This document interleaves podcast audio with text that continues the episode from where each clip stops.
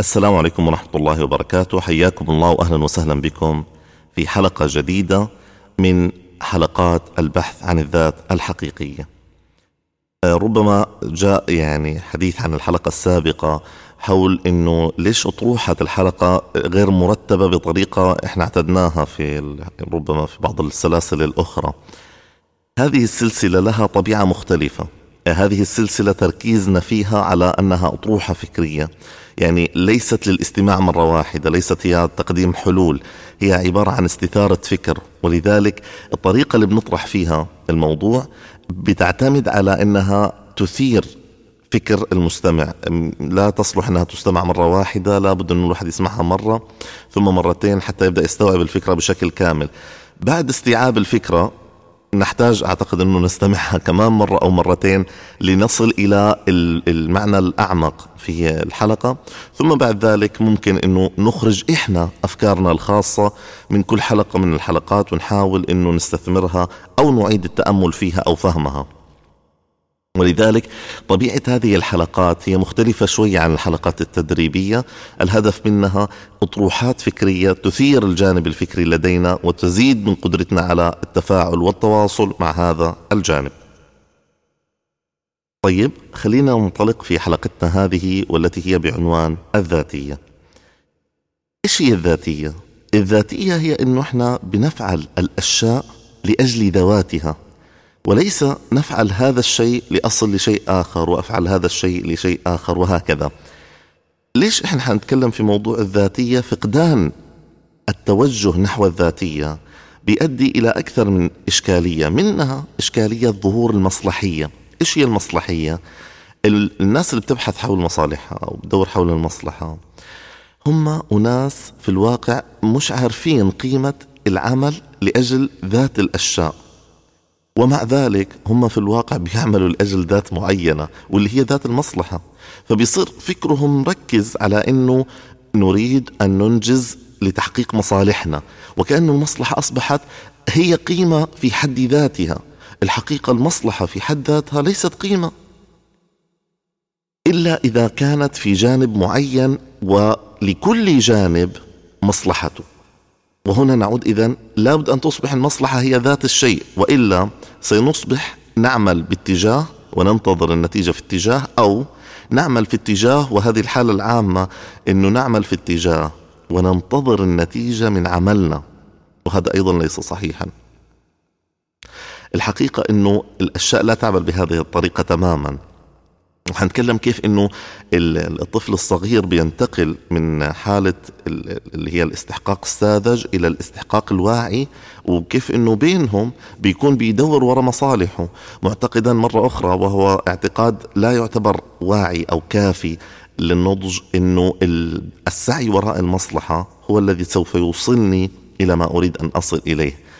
الحقيقة أنه العمل لأجل الأشياء ذاتها هو الذي يجعلنا نعيش الحياة التي نريدها. ليس التي نريدها بمعنى النجاح والسعادة. مش تماما هذه الفكرة التي أريد أن أقولها لكن الحياة التي نريدها لأنه عندما نجد فرصة للعمل في ذات الشيء. ثم إحنا نقول أنا أريد إني أعمل هذا الشيء الآن لكن ليس لأجله. أنا مش يعني لست مستمتعا فيه. أنا سوف أعمل وأضغط على نفسي عشان أوصل لشيء قادم. المفاجأة إنه في كثير من الأحيان ما بنصل إلى الشيء الذي نريد أن نحققه إلا ونتفاجأ بإنه لم يكن ممتعا لم يكن بالمتعة اللي إحنا توقعناها. وبنكون في الواقع ضيعنا متعة الطريق ضيعنا متعة العمل أثناء التفاعل اللي كنا نعمل فيه. هذه الإشكالية الأفضل أنه إحنا نكتشف أنه أصلا إحنا كنا نعمل في شيء جميل ولكننا لم ننتبه له. الإشكالية الأسوأ هو أنه إحنا نكتشف أنه إحنا فعلنا أشياء ليست جميلة ولم تكن بالنسبة لنا قيمة لنصل إلى شيء أيضا لم يكن بالمستوى اللي إحنا تمنيناه. هنا بتبدأ تظهر إشكالية المصلحية ومغالبتها للذاتية وكيف أنه المصلحية بتكسر الذاتية وبتفقدنا معانيها وأحيانا بتجعل حياتنا عشر عشرين سنة ركض وراء نتيجة هذه النتيجة بعد ما نوصل لها بنتساءل. طيب بعدين؟ إيش اللي أنا حققته من هذه النتيجة؟ بنتفاجأ إنه النتيجة لم تكن تستحق كل هذا العناء. الإشكالية حقيقة الكبرى حين نختار أيضا وسائل الخطأ. الوسائل المؤدية إلى الألم الوسائل اللي ممكن بتعمل ألم في الناس وبتعمل عندنا ألم بتعمل ردات فعل. وبعد سنين بنكتشف إنه حتى لو الغاية بررت الوسيلة فالوسيلة نفسها لم تكن بالمستوى اللازم. وكنا لإننا منشغلين جدا بغاية لسنا مطلوب مننا إنه نصلها فعلا بأيدينا ولا إحنا نستطيع أصلا نصلها بأيدينا. حنتكلم إن شاء الله عن السلسلة، كيف إنها تحدث الأشياء في تسلسل معين، فالتركيز إنه أنا فعلي الراهن هو اللي حيوصلني للنتيجة حقيقة بيضيع لي لذة وقيمة الفعل نفسه. بينما أحيانا الفعل نفسه هو الهدف هو الشيء الجميل. إنه إحنا نعيش التجربة نعيش التحديات فليش أختار الجانب الأسوأ؟ ليش أختار الجانب الأصعب؟ ليش أختار الجانب الغير أخلاقي؟ لا خليني أجرب أني أنا أصل لنفس النتيجة التي أريد أن أصل إليها لكن أختار الطريق الأجود والأكثر متعة. الغريب أنه الحقيقة الاثنين بيوصلوا. وهذه مفاجأة ثانية إنه يعني مش الطريق مش حيحدد إذا حنوصل أو مش حنوصل. اللي بيمشي بسلسلة صحيحة ويختار الطريق الأخلاقي واللي بيمشي بسلسلة صحيحة ويختار الطريق غير الأخلاقي كلاهما في الأغلب في نهاية المطاف يصلوا. لكن كم قيمة إني أنا أختار الطريق الأجود أو الطريق الأنسب أو الطريق الأسلم عن إني أنا أختار الطريق الأسوأ والمسيء والذي فيه نوع من التعدي أو الظلم؟ ما في طريق صح وخطأ لأنه هو صح وخطأ. لكن في طريق أنا بتعدى فيه على حقوق الآخرين على حقوق البيئة على حقوق الطبيعة على حقوق المخلوقات الأخرى. وفي اللي هو لا يعني الطريق اللي أنا أحاول أني أقوم بما ينبغي أن أقوم به ولا أتعدى على حق أحد وأستثمر حقوقي والأشياء المتوفر لدي ممتلكاتي وإمكانياتي بالصورة الصحيحة بدون ما أسيء وأتعدى على الآخرين.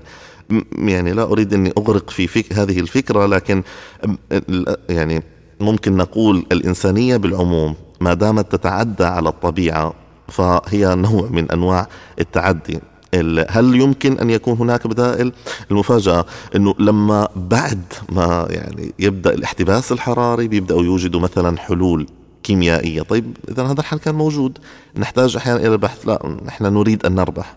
آه ممتاز. هذه الجزئية التي أريدها اللي هي ليه إحنا نخترق أحيانا القوانين أو نتعدى على الحقوق في الطريق نحو النجاح بشكل ما. الإجابة على هذا السؤال يعني المفاجأة هنا في الإجابة على هذا السؤال هو إنه إحنا نختار الطرق هذه لنحقق المصلحة التي نظنها إنها هي الهدف التي نريد أن نصل إليه. والحقيقة إنه ليس القيمة في الهدف التي الذي نريد أن نصل إليه، القيمة في الطريق نحو هذا الهدف، لو استمتعنا في هذا الطريق وعملنا لأجل الشيء اللي إحنا نعمل له الآن وأنا حضرب مثال أكثر وضوحا بعد قليل.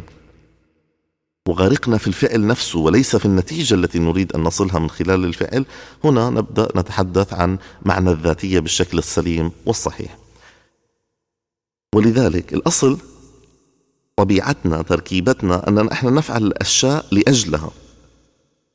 إذا ما هو الخطأ الرئيسي اللي بيخلينا إحنا نضيع الذاتية ونركز على المصلحية؟ إنه إحنا نظن إنه فعلنا هو الذي سيأتي لنا بما نريد. ونغيب, ونغيب عن إنه فعلنا هو جزء من سلسلة متكاملة سلسلة القدر سلسلة التفاعل المحيط. سلسلة التفاعل مع الإمكانيات والقدرات وسلسلة التفاعل أيضا مع المتفاعلين مثلي الناس الموجودين في النظام القدري واللي كل واحد له إرادته وله تركيبته. هذا الجانب اللي هو التركيز على إنه إحنا ما نفعله ياتي لنا بنتيجة وكأنه إحنا مربوطين بسلسلة يعني مباشرة بيجعل الاشياء تبدو وكأنه لا. طب خليني أكون أكثر ذكاء عشان أوصل للنتيجة. وأستخدم الأساليب الصح والخطأ حتى أصل لهذه النتيجة. الحقيقة إنه التوجه للنتيجة هو أهم أداة بتوصلنا لها. والتوجه للنتيجة لا يكون إلا حين نغرق في اللحظة الراهنة ونستفيد من كل ما يحيط بنا من كل الأشياء اللي موجودة لدينا. ننشغل بما إحنا مطلوب مننا انجازه مش ما نريد أن نحققه لأنه إحنا مجرد إنه نغرق في ما هو مطلوب مننا انجازه ونستمتع به ونعرفه ونعرفه اولا ثم نستمتع به ثانيا.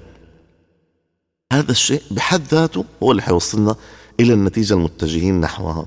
بصورة فلسفية أكثر لكنه يعني لا أريد أيضا أن أغرق في هذا الاتجاه. أصلا لم ينشأ الاتجاه أصلا لم ينشأ الاتجاه إلا لأنه يوجد لدينا الإمكانيات والقدرات المناسبة. ولو نشأ اتجاه ليس مناسب لنا في الواقع سرعان ما يزول. ولذلك الاتجاه بطبيعته أو الهدف اللي إحنا نبغى نوصل له بطبيعته هو قريب مننا وطبيعته بتشبهنا إلى حد ما وإلا ما كان خطر على البال. وهذا أيضا جانب آخر ربما إن شاء الله نناقشه في حلقات أخرى.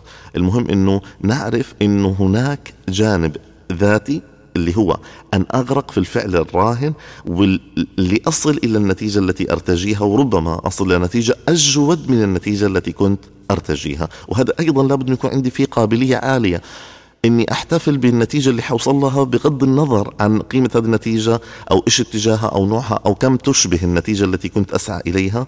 لكن علي أن اتقبل إنه أصلا أنا عندي نتيجة جالس أسعى لها وأستمتع بها. دعوني الآن في الجزء الأخير من هذه الجلسة أتحدث عن مراحل التحول من الذاتية الطفولية إلى الذاتية الناضجة. كثير بيتكلموا عن تقليد الأطفال إنه خلينا نشعر بالاستحقاق زي الطفل الطفل بيجي مثلا يريد الشيء لاحظوا مباشرة يتجه لذات الشيء الذي يريده ثم هو دائما إحنا نقول للطفل لبي له هذا الشيء يطلب شيء آخر. صحيح هذا النموذج جميل النموذج وليس الأسلوب فرق ليش؟ لأنه الأسلوب لو أنا حتعامل مع الأشياء كما يتعامل الطفل الطفل الأب والأم وحتى البائع بيتعامل معه على أنه طفل. فبينظر له من هذا المنظور وبيبدأ يراعيه من هذه من هذا الجانب ويحقق له ما يطلبه أو ما يطلبه نقل الطريقة نفسها وإني أنا أطلب الأشياء بنفس الطريقة طفولة ساذجة الناس ما حتتقبلها لما يكون عمري كبير. طيب إيش الحل؟ أنقل النموذج. كما انه هذا الطفل يوجد من يهتم بإنه يلبي مطلبه فهناك لسبب ما ممكن يكون ممكن يكون عشان نكون يعني جدا واضحين يمكن يكون تفاعل وحب للطفولة. أو رعاية شعوره بال يعني بواجب الرعاية. أنا يمكن إني أنا أبدأ أبحث عن الجهة المكان اللي بحقق فيه هذه المعادلة ثم بعد ذلك أطلب ما أريد بشكل مباشر. اذا في الواقع إحنا مشينا خطوات عشان نوصل إلى استحقاق الطفل هذا. الآن حشرحها بشكل إن شاء الله واضح. هذه الخطوات هي اللي بتخلينا نتوقف عن التصرف كأطفال. ومفهوم الاستحقاق اللي موجود عند الطفل لا لا يصلح أبدا أنه يكون عند الكبار عشان جدا نكون واضحين في هذه الجزئية. لا يصلح هذا النموذج في الاستحقاق للكبار. ولو الكبير مارسه راح يصاب بإشكاليات عظيمة. ولذلك لا نقلد الأطفال. إنما نتأسى بهم ننمذجهم نأخذ النموذج اللي موجود لديهم. لا نقلد بالإجمال أحد إجمالا وإنما نأخذ النموذج الموجود لديه ونحاول أن نكتشف إيش الدواخل الموجودة في هذا النموذج. ثم بعد ذلك نبدأ نخرج بنموذجنا الخاص الذي يناسب ويوافق المستوى والطريقة التي إحنا نعمل فيها. إيش هي المراحل التحول؟ في المرحلة الأولى إحنا بنسوي الحاجات عشان نحصل على نتيجة مباشرة واللي هو زي طريقة الطفل. عادة بنكون أطفال فبنبدأ إحنا نصرخ نريد هذا نريد هذا نريد هذا.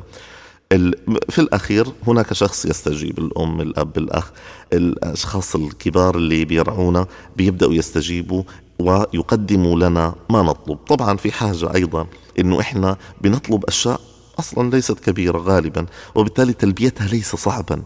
ولأنه إحنا بنطلبها جزئية يعني بنطلب هذه الجزئية لحال وهذه الجزئية لحال بيكون هنا تلبية المسألة سهل.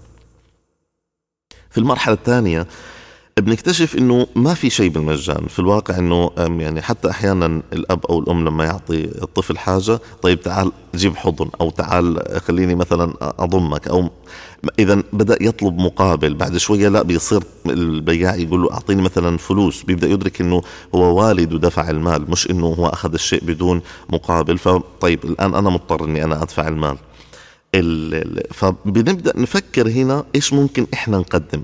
هنا هنا بتبدأ تنشأ إشكالية المقابل اللي هو فقدان عامل المقايضة المباشر إلى عامل الاستبدال. وهذا مفهوم خطير جدا حتى في الاقتصاد. هذه من المفاهيم اللي هي بتؤدي إلى التضخم بتؤدي بتؤدي إلى مشاكل اقتصادية آه، موسعة. ونشأت كثير من النظريات الاقتصادية في معالجة جانب المقايضة والتبادل. إنه إحنا المقايضة سهلة. يمكن إنها تحافظ على أثمان الأشياء شبه الحقيقية. لكن التبادل إني أنا أحول المنتج الموجود لدي إلى مال ثم أحول المال إلى منتج مرة أخرى دائما بيعمل إشكالية اقتصادية وهذا جزء من أسرار أو من أهم أسرار ظهور التضخم في العالم. مع إنه اجمالا التبادل هذا لم يزول تماما لكن كلما اتسع كلما ظهرت مساوئ وكلما ضاق كل ما كان أحسن.